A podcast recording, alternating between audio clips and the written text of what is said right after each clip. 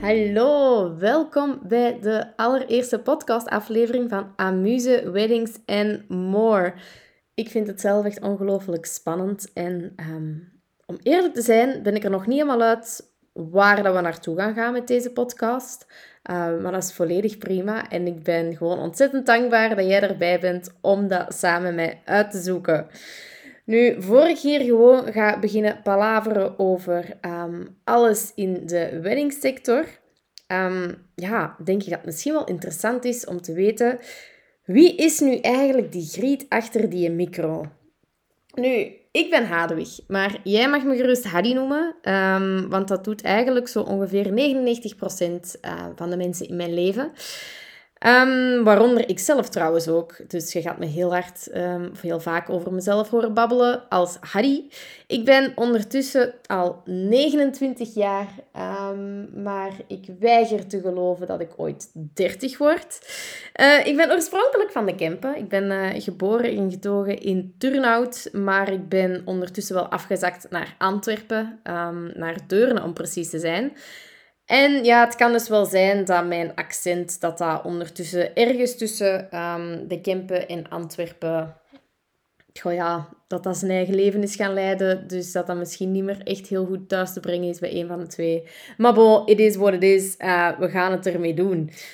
Um, ik woon dus in Deurne en ik woon daar niet alleen. Ik woon hier met mijn, uh, met mijn rescuehondje, Luna. Dus uh, in februari 2021 is Luna van Portugal overgevlogen naar uh, Antwerpen. Dus al anderhalf jaar, uh, ongeveer denk ik, ja, is, um, ja, is zij eigenlijk elke dag bezig met harten veroveren. Niet alleen dat van mij, maar zo goed als ja, iedereen die dat ze tegenkomt, wordt, ja, wordt gewoon volledig verliefd op haar. Um, ja, je kan me trouwens ook volgen op Instagram, op amuse.weddings. En daar ga je Luna zeker genoeg um, ja, tegenkomen. Um, je gaat haar misschien ook wel horen bij de podcast. Momenteel ligt ze braaf te slapen, maar het is een pieperke en ze is jaloers als ik tegen andere mensen praat. Dus het zou zomaar eens kunnen dat ze er hier af en toe even tussen komt. Ja, dat is het leven zoals het is daar kunnen we niks aan doen. En daar uh, ja, zou ik eerlijk gezegd ook gewoon niet meer willen veranderen. Verder, wat kan ik nog vertellen over die griet achter de micro? Um, ik uh, ben grote fan van hip-hop dansen, maar dat staat momenteel op een uh, laag pitje. Ook wel omdat ik. Um, ja, ik hang met haken en ogen aan één, zoals dat ze dat wel eens durven zeggen.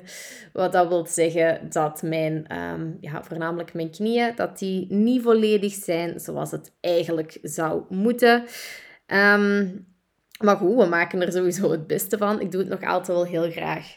Verder ben ik een heel grote fan van um, zingen. Sowieso. Uh, ik moet dringend terug les gaan volgen, maar ik doe het wel ongelooflijk graag.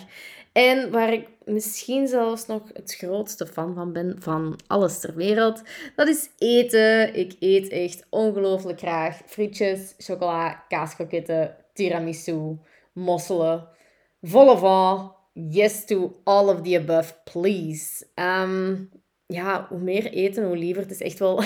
het is echt de weg naar mijn hart. En als eten een hobby zou kunnen zijn, my god, ik zou echt direct een club oprichten en gewoon elke dag eten. Want ik vind het echt fantastisch. Um, dus ook, ja, een keer op restaurant gaan of zo. Uh, ik ben er altijd, altijd voor te vinden. Verder, goh, wat kan ik zo nog vertellen? Mijn studies, want dat is eigenlijk ook wel een beetje waar het allemaal uh, bij, begon, bij begint. Wauw, Nederlands bij begonnen is. Um, ik heb eerst en vooral een bachelor event en projectmanagement gehaald, verschillende jaren geleden. Um, maar ik voelde zo, ja, ja, het wrong om te gaan werken al. Uh, ik had het gevoel dat ik er nog niet echt alles uit had gehaald. Dus uh, ben ik nog verder gegaan naar uh, de UNIF in Antwerpen, waar dat ik een master organisatie en management heb gehaald met specialisatie marketing. Het klinkt allemaal heel fancy, maar dat valt best wel mee.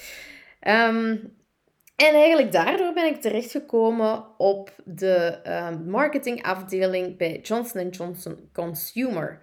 Waar dat ik dus eigenlijk verantwoordelijk ben geweest voor uh, de marketing in de Benelux. Voor onder andere Le Petit Marseille en uh, Neutrogena. Um, als je die merken niet zou kennen, het ene is skincare, voornamelijk douchegel, dus Le Petit Marseille. En het andere is toevallig ook skincare. Um, maar dat is voornamelijk een apothekersmerk, zal ik maar zeggen. Nu, eigenlijk tijdens uh, het werken bij J&J heb ik gemerkt dat um, het corporate leven, zoals ze dat wel eens noemen, dat dat niet echt voor mij is uh, weggelegd.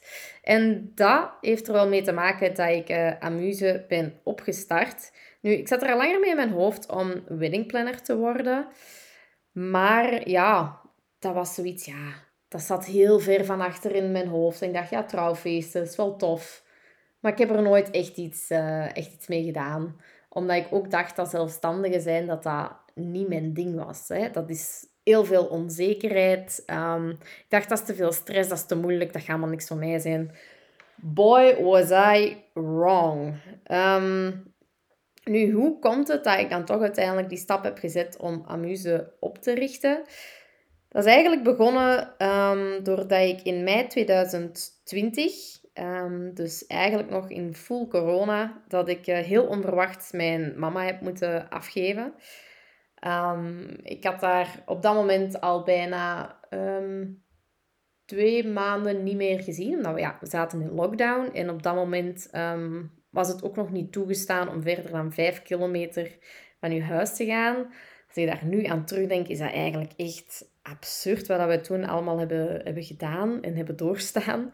Maar goed, het is zo. dus 5 mei 2020 kreeg ik plots telefoon van mijn papa dat mijn mama onverwacht was neergevallen in de tuin. Um, nadat ze in de tuin aan het werken was. En ja, helaas is dat dus niet meer goed gekomen. En uh, is zij overleden aan een scheur in haar beenslagader, als ik me niet vergis. Um, ja, ik weet er het fijne eerlijk gezegd niet echt van omdat dat nu eenmaal niet is waar dat ik mij op heb gefocust. Want um, ja, wat gedaan is, is gedaan. En er is niks dat haar kon terugbrengen natuurlijk. Maar dat heeft me wel doen inzien dat, uh, hoe cliché het ook is, dat het leven effectief te kort en te onvoorspelbaar is om dingen te doen waar je niet gelukkig van wordt. En ik ben toen heel hard gaan nadenken over wat mij wel gelukkig maakt. En ehm, een heel belangrijke daarin voor mij is eigenlijk andere mensen gelukkig maken.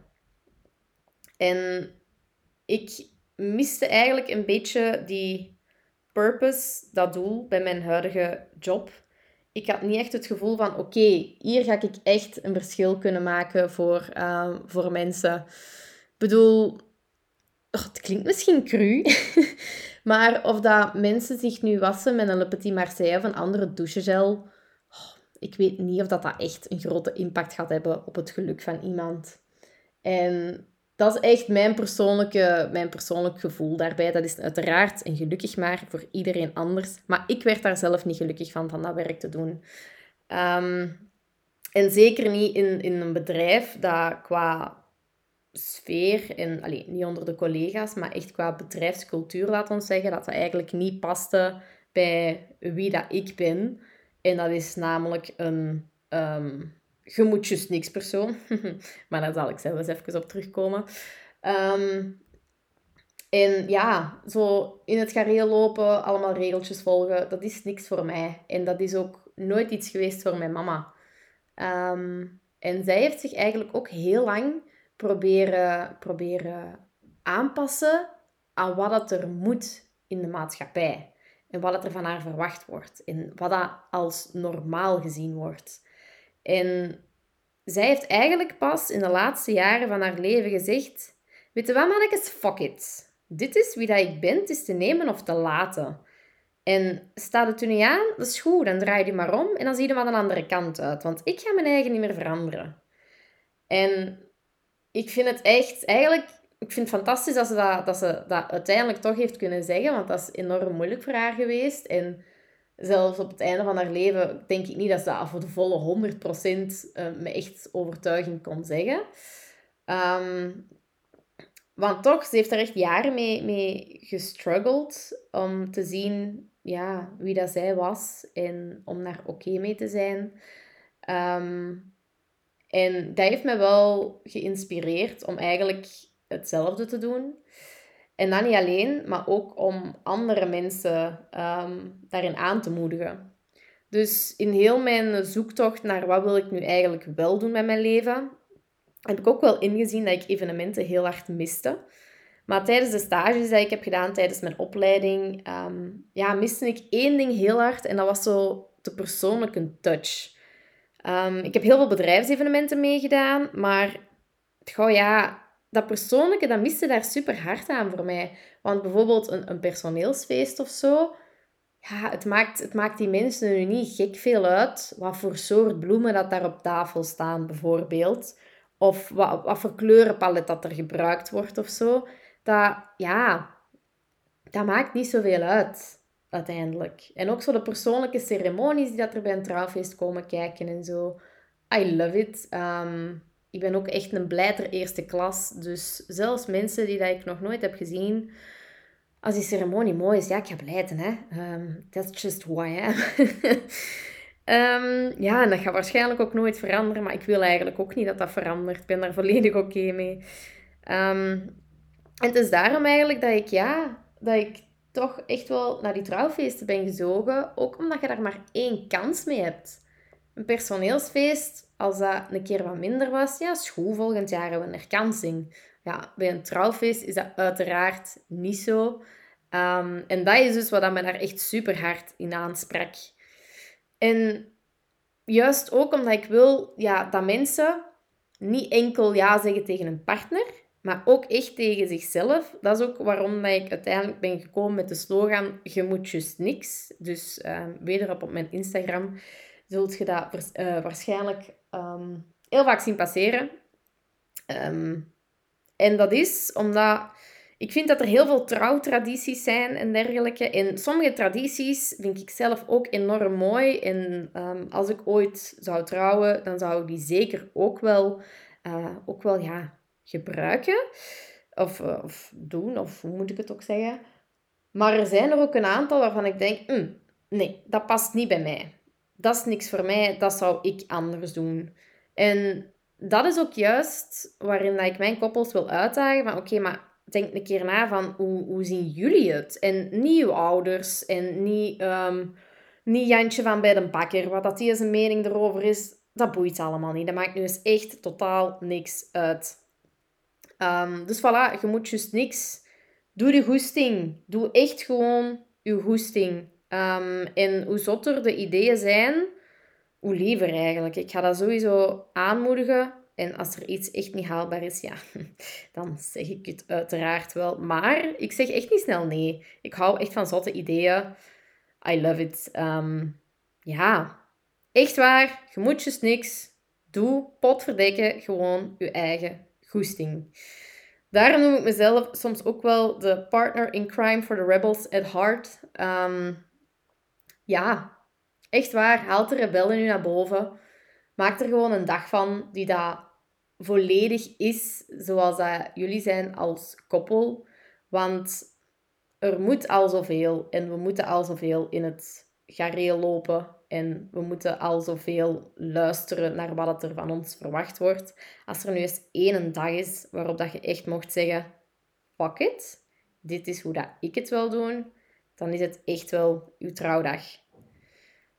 En ik denk dat dat een mooi moment is om deze eerste aflevering bij af te sluiten. Ik heb hier toch al wel even zitten babbelen eigenlijk. Ehm, maar goed, ik vond het wel belangrijk dat je weet naar wie dat je hier eigenlijk aan het luisteren bent. Um, en ja, wie dat dus die griet achter de micro is. Dus heel erg bedankt dat je deze eerste podcast-aflevering van Amuse Weddings and More hebt beluisterd. En tot heel snel voor een tweede aflevering.